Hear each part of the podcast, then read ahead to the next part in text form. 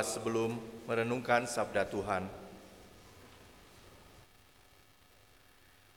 betapa mulianya namamu ya Tuhan di seluruh bumi. Keagunganmu yang melampaui langit, kami memuji dan membesarkan Engkau ya Bapa. Siapakah kami sehingga Engkau membuat kami berharga dan mengindahkan kami? Terlebih Engkau telah menuntun kami menapaki hari yang baru, hari pertama di tahun 2024 ini. Engkau mengasihi kami sedemikian rupa, dan pada saat ini kasih-Mu itu akan kami rasakan di dalam kami merenungkan sabdamu yang kudus. Urapi hati dan pikiran kami, agar sungguh kami dan kehidupan kami seutuhnya dapat memuliakan Engkau.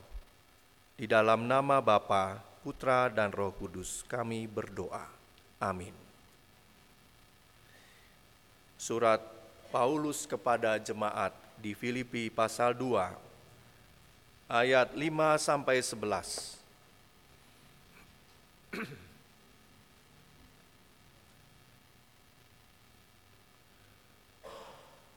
Hendaklah kamu dalam hidupmu bersama menaruh pikiran dan perasaan yang terdapat juga dalam Kristus Yesus, yang walaupun dalam rupa Allah tidak menganggap kesetaraan dengan Allah itu sebagai milik yang harus dipertahankan, melainkan telah mengosongkan dirinya dan mengambil rupa seorang hamba dan menjadi sama dengan manusia. Dalam keadaan sebagai manusia, ia telah merendahkan dirinya dan taat sampai mati, bahkan sampai mati di kayu salib. Itulah sebabnya Allah sangat meninggikan dia dan mengaruniakan kepadanya nama di atas segala nama, supaya dalam nama Yesus bertekuk lutut segala yang ada di langit dan di atas bumi dan di bawah bumi, dan segala lidah mengaku Yesus Kristus adalah Tuhan, bagi kemuliaan Allah Bapa. Demikian sabda Tuhan, berbahagialah kita yang mendengarkannya dan memelihara dalam hidup setiap hari. Haleluya! Haleluya, haleluya, haleluya.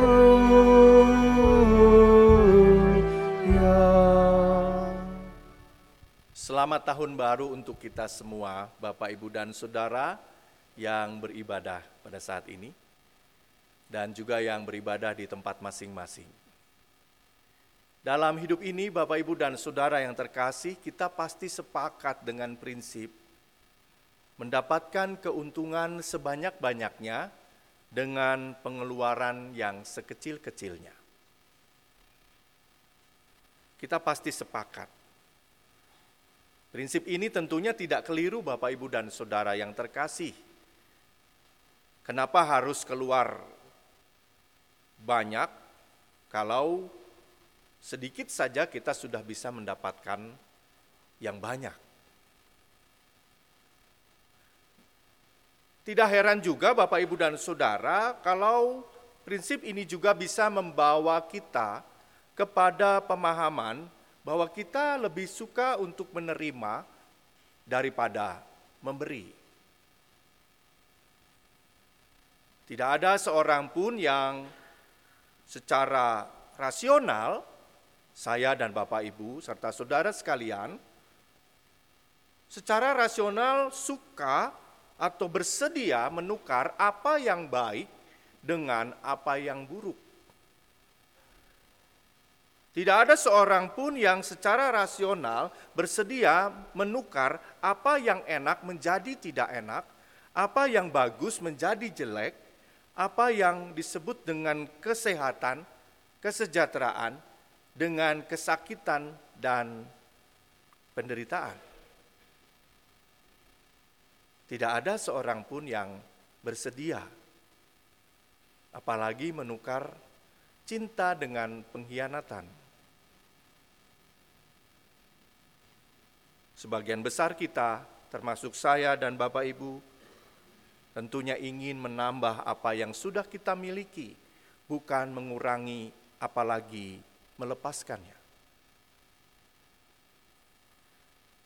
Beberapa tahun ke belakang ada sebuah acara televisi yang cukup menarik. Judulnya adalah Undercover Boss. Barangkali Bapak Ibu dan Saudara pernah menontonnya. Ada beberapa seri dalam TV ini, serial TV ini atau acara TV ini. Misalnya ada seorang CEO perusahaan yang kemudian menyamar dalam satu episodenya dia menyamar, dia mengubah penampilannya yang tadinya begitu uh, elegan, begitu tampan, dia mengubah penampilannya menjadi seorang pegawai yang baru. Dia melamar menjadi seorang pegawai kasir. Ada juga yang melamar sebagai kurir jasa antar di perusahaan perusahaannya sendiri. Dia juga bisa menjadi seorang juru parkir.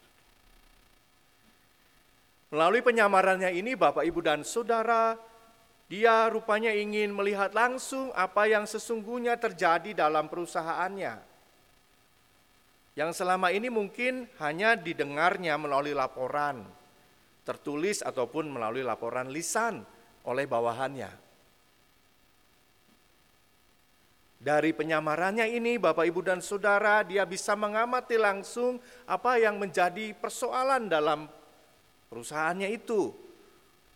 Dan dari pengamatannya ini juga, dia bisa menyelesaikan beberapa masalah yang dihadapi oleh perusahaannya. Acara yang saat ini mungkin tidak lagi ditayangkan secara reguler ya di televisi yang kita lihat. Tuhan Yesus, Bapak, Ibu, dan Saudara, lebih dari seorang CEO. Tuhan Yesus datang, hadir, bukan hanya menyamar. Tuhan Yesus dalam Natal yang kita rayakan masih kita maknai hari ini. Kehadirannya bukan menyamar, tetapi datang sungguh hadir juga dengan sungguh-sungguh. Bahkan dikatakan oleh Rasul Paulus di ayat yang ke-6, Tuhan Yesus tidak menganggap kesetaraannya dengan Allah sebagai milik yang harus dipertahankan. Keberadaan dalam rupa Allah itu tidak dipertahankan demi keuntungannya sendiri meskipun sebenarnya dia bisa melakukannya. Bahkan dia punya kuasa dan kemuliaan, dia berhak untuk bisa mempertahankan itu semua. Tapi Yesus berbuat sebaliknya. Dia mengosongkan dirinya. Mengosongkan Bapak, Ibu, dan Saudara bermakna memindahkan dari satu tempat ke tempat yang lain. Atau ketika kita punya dua gelas, yang satu kosong, yang satu berisi, maka yang berisi ini semua isinya kita tumpahkan atau kita masukkan ke dalam gelas yang kosong itu sehingga gelas yang tadinya berisi itu menjadi tidak ada isinya. Artinya semua dipindahkan Apa yang dikosongkan Bapak Ibu dan Saudara? Yang dikosongkan adalah kemuliaan. Allah yang sejatinya adalah Allah yang mulia pencipta. Dia mau untuk menjadi sama dengan kita yang fana. Kekuasaan, hak istimewanya dikosongkan Perendahan diri Yesus ini bukan sesuatu yang tidak bisa dielakkan. Bukan sesuatu yang disebut sebagai nasib. Bukan sesuatu yang juga dipaksakan untuk dilakukan. Tetapi ini merupakan kehendak bebas dari Allah sendiri untuk menjadi sama, untuk mengosongkan dirinya menjadi manusia, kemudian menjadi budak, kemudian mengalami kematian dan penderitaan. Jadi ini kehendak bebas Tuhan, bukan karena sesuatu yang sudah dituliskan. Dalam disiplin spiritualitas Bapak Ibu dan Saudara, tindakan pengosongan diri ini dimaknai sebagai membiarkan pergi atau hilang sesuatu yang menarik bagi kita. Ada satu tokoh yang bernama Ignatius Loyola, dia dalam doanya itu mengatakan seperti ini Bapak Ibu. Ignatius Loyola ini memang memiliki disiplin yang cukup ketat mengikuti apa yang dikatakan oleh kitab suci. Dia mengatakan seperti ini, ya Tuhan ambillah dan terimalah kebebasanku, pengertianku dan seluruh kehendakku. Seluruh hidupku, semua yang kumiliki ini yang engkau pernah berikan kepadaku, aku serahkan kepadamu. Yang dia minta cuma satu Bapak Ibu, dia minta kasih dan anugerah. Jadi satu, kasih dan anugerahmu saja. Dan itu sudah cukup bagi dia, bagi Ignatius. Dengan itu aku sudah merasa kaya dan tidak menginginkan apa-apa lagi. Kalau spiritualitas seperti ini menjadi spiritualitas yang agak aneh barangkali ya di zaman sekarang. Tidak ingin apa-apa, hanya cukup dengan kasih karunia dan anugerah dari Tuhan dan itu sudah merasa kaya lebih dari apa pun. Jarang sekali Bapak Ibu spiritualitas yang seperti ini ada dan dilakukan oleh kita. Padahal lagu yang sering kita dengar barangkali Bapak Ibu pernah mendengarkan lagu yang rapnya berbunyi seperti ini. Ku persembahkan hidupku kepadamu Tuhan untuk kemuliaanmu Ku berikan hidup ini sebagai persembahan yang berkenan padamu. Begitu, lebih kurang. Atau tadi malam kita bernyanyi, yang telah lalu dan yang telah datang, hasrat dan harapan yang terbayang. Lalu kata-katanya ini enak masa depan dan rencanaku semuaku serahkan dalam tanganmu.